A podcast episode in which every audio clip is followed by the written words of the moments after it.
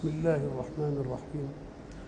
الحمد لله رب العالمين والصلاة والسلام على أشرف المرسلين وخاتم النبيين ورحمة الله للعالمين سيدنا محمد وعلى آله وصحبه أجمعين. وبعد فقد وقفنا في اللقاء السابق عند قول الله سبحانه أعوذ بالله من الشيطان الرجيم. وأنبتنا عليه شجرة من يقطين. والهاء هنا في عليه راجعة إلى سيدنا يونس الذي حكى الله لقطة من قصته في قوله سبحانه وإن يونس لمن المرسلين إذ أبق إلى الفلك المشحون. أنبتنا عليه شجرة من يقطين لأنه خرج وحوله إفرازات من باطن الحوت. هذه الإفرازات تعوق تنفس جلده وتعوق حاله الصحية وتجعله لزق المزاج.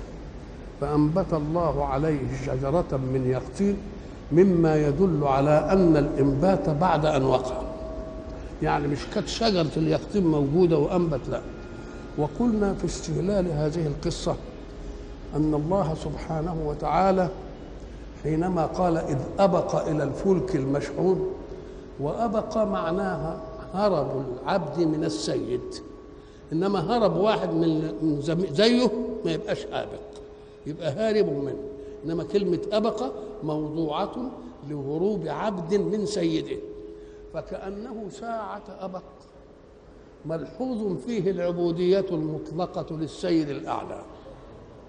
يعني مش خارج عنه ولكن زهق نفسه من انهم ما استمعوش له. مسألة يعني ضيق صدر بما لم يكن.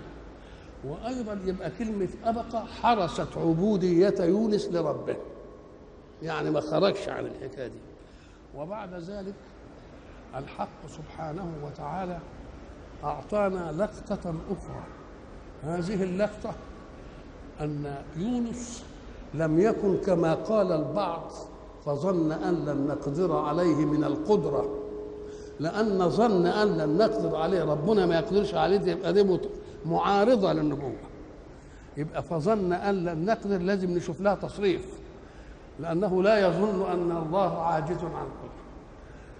كلمة قدر جاءت في القرآن. ما بنجيبش كلام تاني ونستشهد به يبقى قدر ضيقا ومن قدر عليه رزقه فلينفق مما آتاه الله. يعني ظن لدلاله مع الله الذي أرسله بالرسالة واصطفاه لهذه المهمة إن ربنا ما يضيعش عليه تنفيسه عن عواطفه بانه يهرب شوية من الناس دول. مش هيضيق عليه. يبقى يبقى ثقة في رحمة من أرسله. وشيء آخر قوله فساهم فكان من المدحضين ادانا لقطة أخرى. لقطة اجتماعية. بمعنى أنه إذا وجد شيء لا يتسع للطالبين له لا يصح أن يميز القاسم أحدا على أحد. لأن تمييز أحد على أحد يورث في نفس الناس أنه فضله عليه.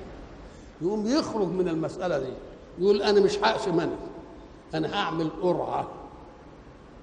واللي يطلع يبقى أنا ماليش دخل فيه القرعة هي اللي جابته.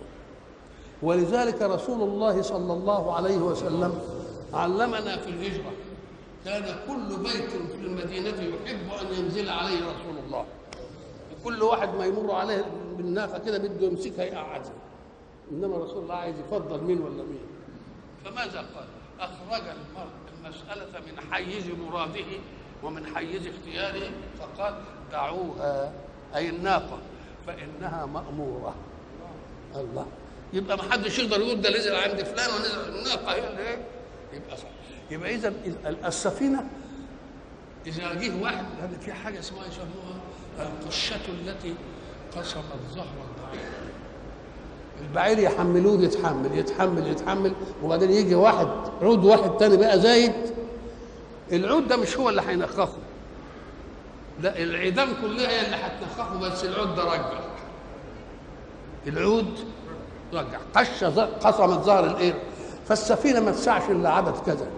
إذا جه واحد منها لأن إحنا عارفين إن السفينة بتتحمل وزن الماء المزاف به زي ما ارشميدس قال وزن الماء المزاف به فلما يجي واحد زايد هتغطس شوية واحد يخف تقب شوية. فلما جه زا- زائد هتغرق السفينة. إذا قالوا لأن نضحي بواحد لا يركبها خير من أن يهلك الجميع. ده كلام جميل. ده تعليمه دي ولا مش تعليمه تعليمه كويس. فساهم فكان من المدحضين يعني من المغلوبين هو اللي طلع إنه يترمي في البحر. طب ويرموا واحد في البحر زي قال بدل ما يرموا الكل؟ رموا إيه؟ رموا واحد بس. يبقى السهم المساهمة عملت إيه؟ قللت الإيه؟ قللت آثار الحادثة المزعجه وهو إن بدل بدل الكل يبقى واحد بس.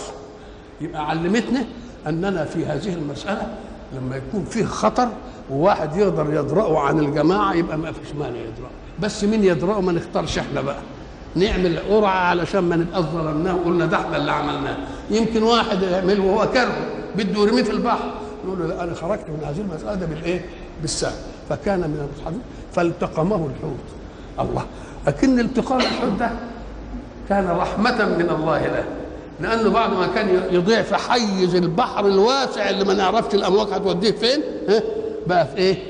بقى في بطن حوت. والحوت له إرادة. بعدين هو لما يحب كده يستفرغ كده ينطر بره ينطره. لكن البحر ما عندوش هذه الإيه؟ يبقى لا, نزال في في سلسلة الرحمات من الله لمين؟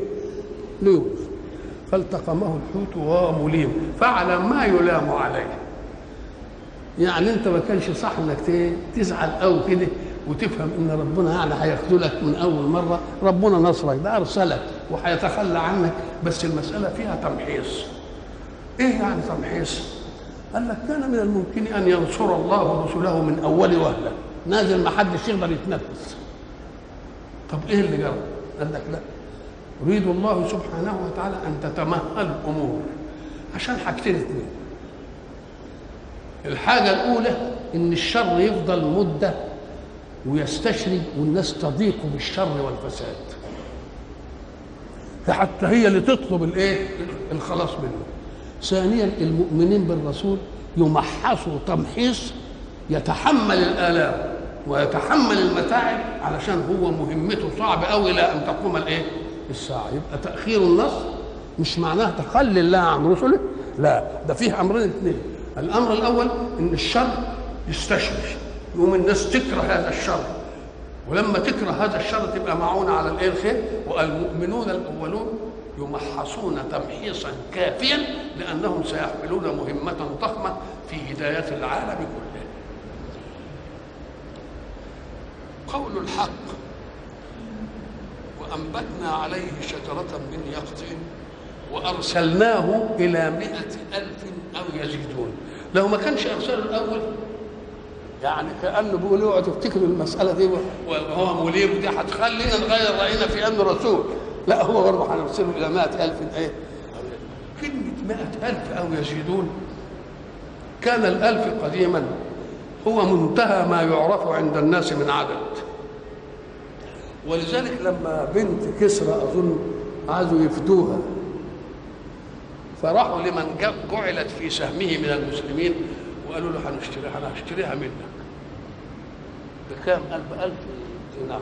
انبسط. قوي قال أنا ما يعرفش حاجة إيه؟ الألف دي هي الرقم. فلما عقدت الصفقة قال له اصحابه يا راجل أنت عملت كده ده دي بنت كذا بنت الاصول ده كانت هتفدى بمال كتير قوي ألف إيه اللي أنت قال والله لو علمت أن وراء الألف عددا لقلت. إنما أنا ما أعرفش ان هو ده. الايه الألف هي الألف نعم. كلمة بقى أرسلناه إلى مائة ألف. اشمعنى أو يزيدون دي؟ طب قال لك أو يزيدون دي ما بيتكلمش عن الزيادة ده بيأكد لك إن العدد كده بل أزيد من كده. بل إيه؟ اكنه بيأكد مش الزياده بيأكد الايه المئة ألف. زي ما تقول له ده اديته هكذا وأزيد. يبقى انت ما بتتكلمش عن الزياده انما بتتكلم على تأكيد الإيه؟ لأنك يمكن قلت 1000 لأنه قارب ال 1999 ولا 900 ولا أي حاجة. فقال لك يزيد. يزيد يبقى معناها تأكد الايه تأكد الالف فآمنوا فمتعناهم. بس متعة الدنيا. ليه؟ لأن حين تنتهي متعته إلى خير من المتعة تبقى دي إكرام. فما تقولش ده نهى دنياهم نهى تمتعهم ده نهى تمتعهم الموقوت وتمتعهم على قدر إمكانيات ذواتهم وينقلهم إلى تمتع غير موقوت وعلى إمكانيات الحق. يبقى عمل فيهم جميلة ولا ما؟ فآمنوا فمتعناهم إلى حين. وبعد ذلك انتقل الحق سبحانه وتعالى إلى قضية أخرى. فاستفتهم ألربك البنات ولهم البنون؟ طب إيه علاقتي بحكاية القصة يعني فاستفتى إزاي الحكاية دي؟ كلمة استفتى طلب. كلمة استفتى طلب. زي ما يقول استفهم. يعني طلب الفعل. استخرج. طلب الإخراج. طب استفتى. طلب إيه؟ الفتوى. الفتية. طب إيه الفتية دي؟ مادة الفي والتي واليه تدل على منتهى القوة. فتوة يعني. فكأن الذي يطلب فتوى يريد أن يقوى في جهة هذه الفتوى. هو في الدين ضعيف مش عارف. فيسأل واحد يستفتيه يست- استفتاه يعني إيه؟ طلب أن يكون فتوة في أمر دينه واستقباله لحكم ربه. لأنه ضعيف فيه. يبقى استفتى يعني طلب أن يكون إيه؟ فتوة. فتوة يعني شديد. ولذلك يعني لما يجوا يقولوا آه، سمعنا فتى يذكرهم يقال له إيه؟ إبراهيم. كلمة فتى يعني إيه؟ آه وبعدين لما فتية الكهف إنهم إيه؟ فتية آمنوا بربهم. وفتية وآمنوا بربهم. آه لسه شيوخ يعني لو كانوا شيوخ كانت تبقى معقولة. إنما فتية لسه في الشباب. ولذلك ربنا هناك في الحديث القدسي يقول لك تعجب ربك من شاب ليست له صبوة. لسه في ال- ولذلك إحنا قلنا في مقاييس المجتمعات. الله سبحانه وتعالى في حديثه القدسي يبينها 12 قسم المجتمعات كلها 12 قسم. ستة في المحبوبية وستة في المربوطية بس المحبوبية قسمين واحد محبوب واحد محبوب أكثر شوية إذا المجتمعات كلها لا تخلو عن كام؟ عن 12 ستة في المبغضين وستة في المحبوبين.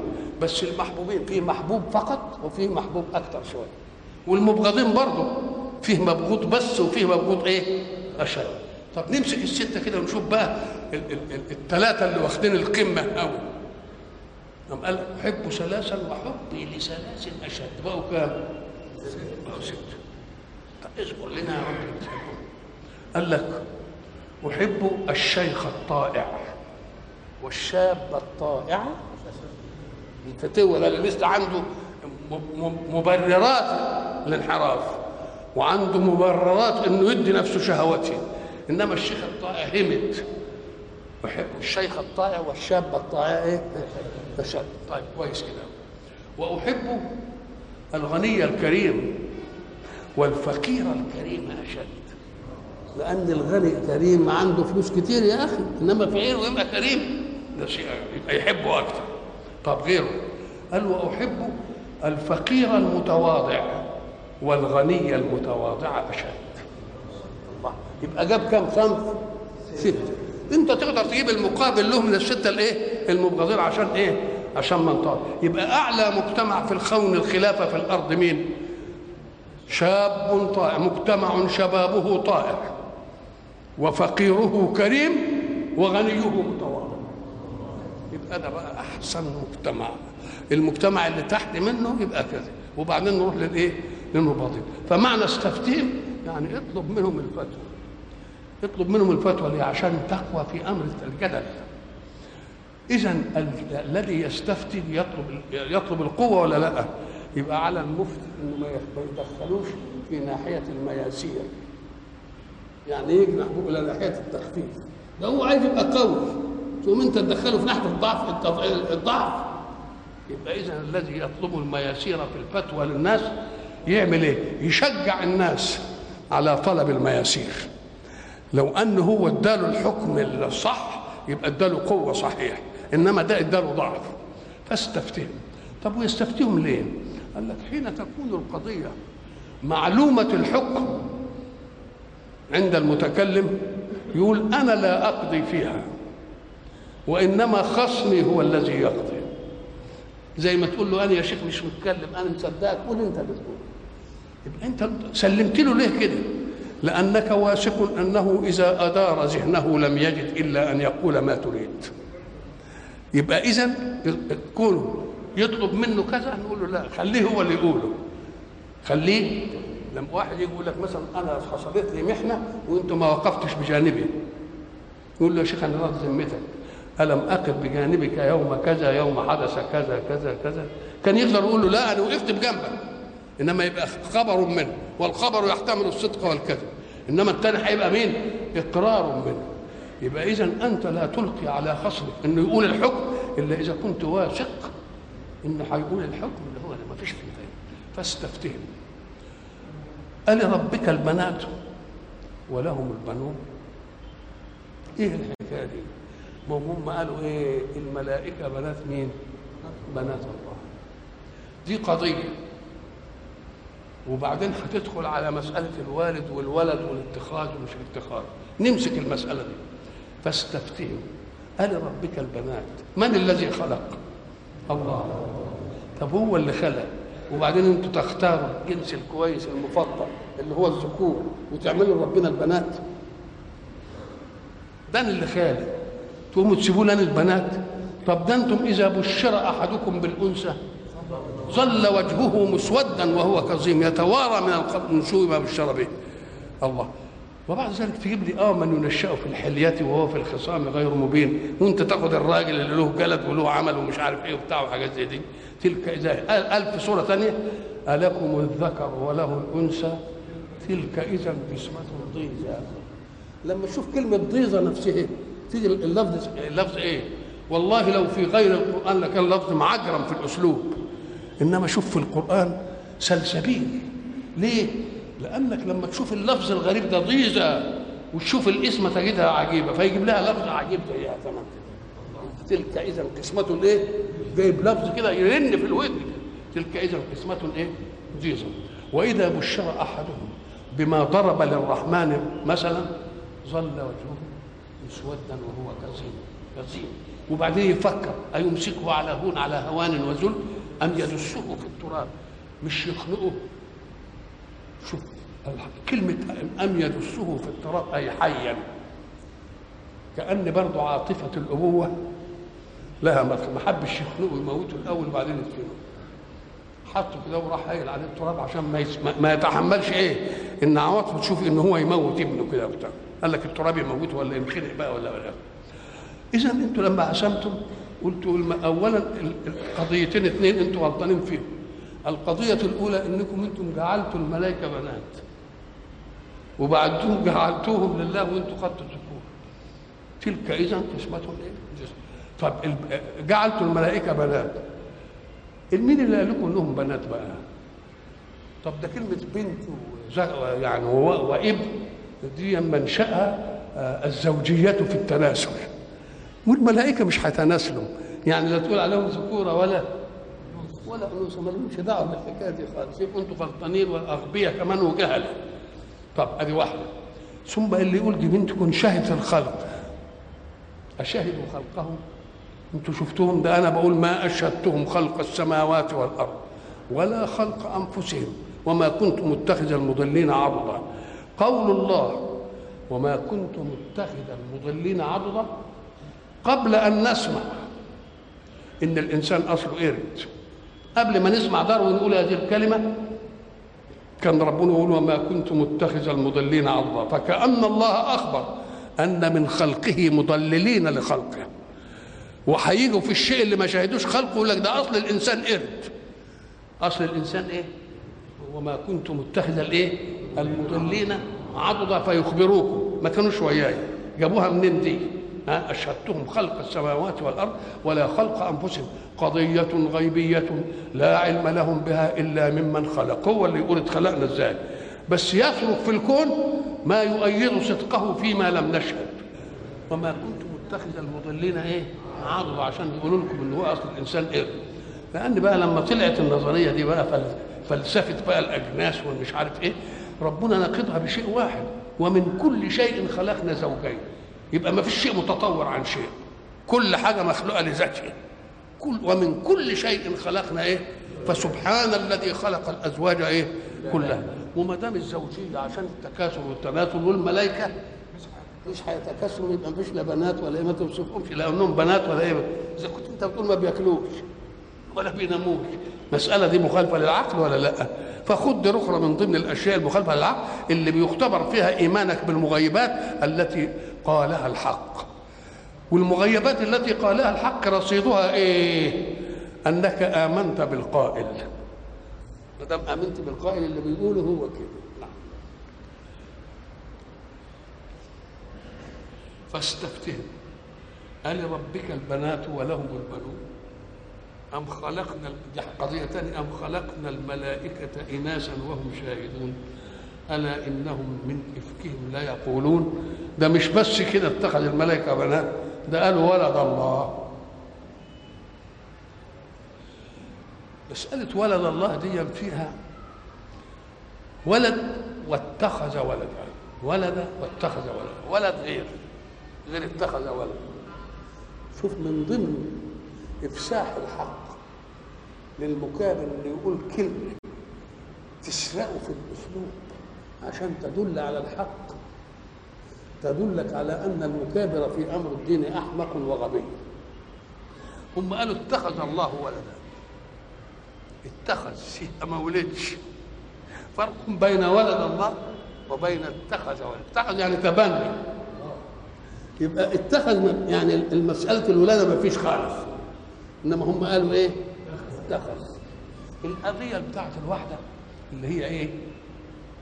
ألا إنهم من إفكهم لا يقولون ولد الله الفعل الوحيد ولد هي دي وبعدين في هو الله أحد لم يلد ولم يولد يبقى ما ولد والثانية في سورة الإخلاص اللي هي القضية ولم لم يلد ولم إيه؟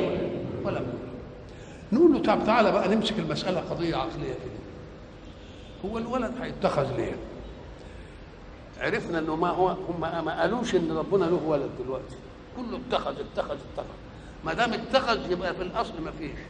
بس خد واحد كده قال له يا شيخ تعال. الله. يبقى يبقى ما فيش ولادة بقى. يبقى كأنهم قسمين. قسم قال ولد الله فرد عليه لم يلد ولم يولد. القسم الثاني اتخذ. طب هنتخذ ولدا ليه؟ نبحث بعقلنا كده. ناخد الصورة دي من من واقعنا مع بعض نقول له كلمة ولد بتجي للذكر وللإيه؟ وللأنثى إنما ابن للذكر وبنت للأنثى طب الواحد عايز ولد ليه؟ اللي ما بيخلفش منا بيزعل ليه كده؟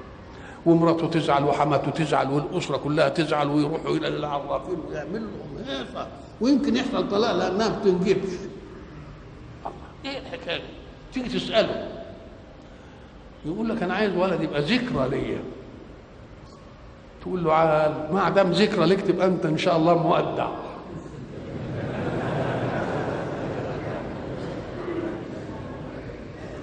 ولذلك قال لك الواحد يفرح بابنه اولا. ولما يجي له حفيد تبقى الفرحة إيه؟ اثنين ليه؟ لأنه بالولد ضمن ذكراه جيلا وبالحفيد ضلب ذكراه جيلين كل ما يجي أكيد طب وايه اللي عايز تتمحك في الدنيا ليه؟ طب ده إحنا ما نصدق نسيب الدنيا دي ونروح لحتة ثانية عايز أنت تبتدئ في الدنيا ليه؟ برضه غباء إذا كانت الدنيا ما دامتش ليك أنت دوامها لغيرك ماذا ينفعك؟ تدي تدي تيجي للي بعدك ولذلك إحنا قلنا ان شوقي لما. لما ابنه خلف بقى فرحان قوي ودعا الناس ان ابنه إيه جاب بقى له حفيد يعني ليه؟ قال لك لأنه بقى يعني الذكر إيه؟ ولذلك كان هو يقول فاضمن لنفسك بعد موتك ذكرها فالذكر للإنسان عمر انسان هو الذكر يعني بالولد ما الذكر ليه بالأعمال الصالحة بالأعمال الكويسة بالأسرة الطيبة مش عارف يبقى إذا تعالى بقى بنعوز الولد ليه؟ علشان يبقى يحفظ ذكرانا ده ذكراك لأنك هتموت. طب وإذا كان الله باق طب هيعمل بالولد ليه بقى؟ رضوش عايز الولد يعمل به إيه؟ طيب أدي واحد. واحد ثاني يقول لك لما ما كانش لهم أولاد يزعلوا. ولذلك سيدنا عبد المطلب لما ما كانش له أولاد وحب يحفر وحشوه مش آه، ندم إن ربنا بعت له شوية أولاد إنه يعمل يفدي واحد ويموته. يديله كذا يموت واحد منهم يعني يضحي بواحد منهم. ليه كده؟ أما قال لك دي العزوة. اسمها الايه العزوة؟ قال له لك إيه؟ علشان مين يعرف ياخد العزا بتاعي؟ اذا أنت ضمنت إنك هتعزى ما دام ضمنت إنك هتعزى ما هو برضه هو يعزى آخر. تبقى المسألة فان بفان ما تنفعش فان بفان. إنما كان يتعوض فان بباقي إنما كله حي إيه تعالى بقى. رد ربنا رد جميل كده لو أراد الله أن يتخذ ولدا لاصطفى مما يخلق ما يشاء. اذا كل الكلام ده إفك. وعم... ليه؟ الم- المقصد منه إيه؟ ليه؟ قال لك تثبيت السلطات الزمنية لقوم. إيه يعني تثبيت السلطة الزمنية لقوم؟ السلطة الزمنية هي الجاه الذي يطرأ على من يولى القيادة وال- والرئاسة. دي اسمها سلطة زمنية. ولذلك اليهود كانوا في المدينة. لهم مكانتهم المالية مكانتهم العلمية مكانتهم الحربية وكانوا يستفتحون برسول الله. فلما جاءهم ما عرفوا وكانوا يستفتحون به على الذين ليه ماذا؟ أم قال لك لأنهم وجدوا من يسلبهم السلطة الزمنية التي لهم. يبقى يبقى استبقاء على السلطة الزمنية هي اللي خلتهم يعملوا. وإلى لقاء آخر إن شاء الله.